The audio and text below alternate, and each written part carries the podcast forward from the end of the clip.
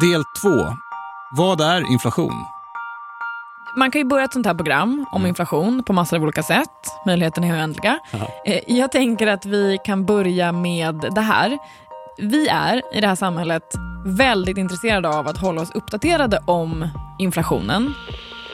Det har kommit nya inflationssiffror från Statistiska centralbyrån och det visar Resepriserna brukar normalt eh, stiga under våren. Tre veckor senare påsk i år än förra året bidrog till att inflationstakten sjönk med en halv procentenhet i mars.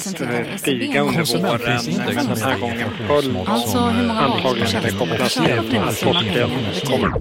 Jag tänker att inflationen är lite som vädret. Alltså så här, tidningar och nyhetsprogram de rapporterar om inflation som om det är ett helt så självklart inslag i alla människors vardag och ekonomi. Imorgon blir det 15 grader och klart är halvklart. Inflationen steg med 0,2 procent i andra kvartalet. Alltså det är liksom bara så här, någonting abstrakt som ingen kan påverka som man bara så här Som rapporterar ett, om. som ett naturfenomen, en naturkraft som vi inte rår på. Liksom. Ja.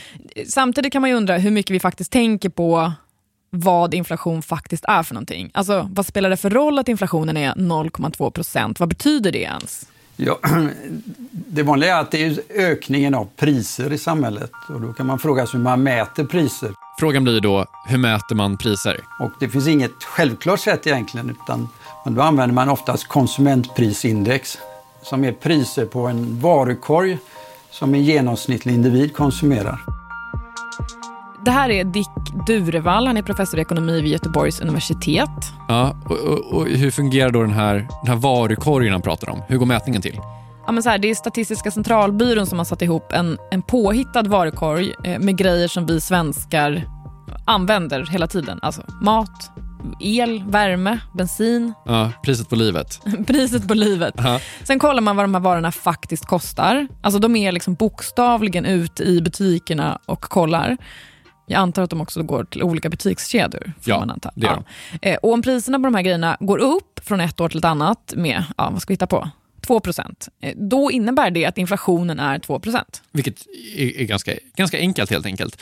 Man går till affären, kollar vad saker kostar, jämför med förra året. Precis.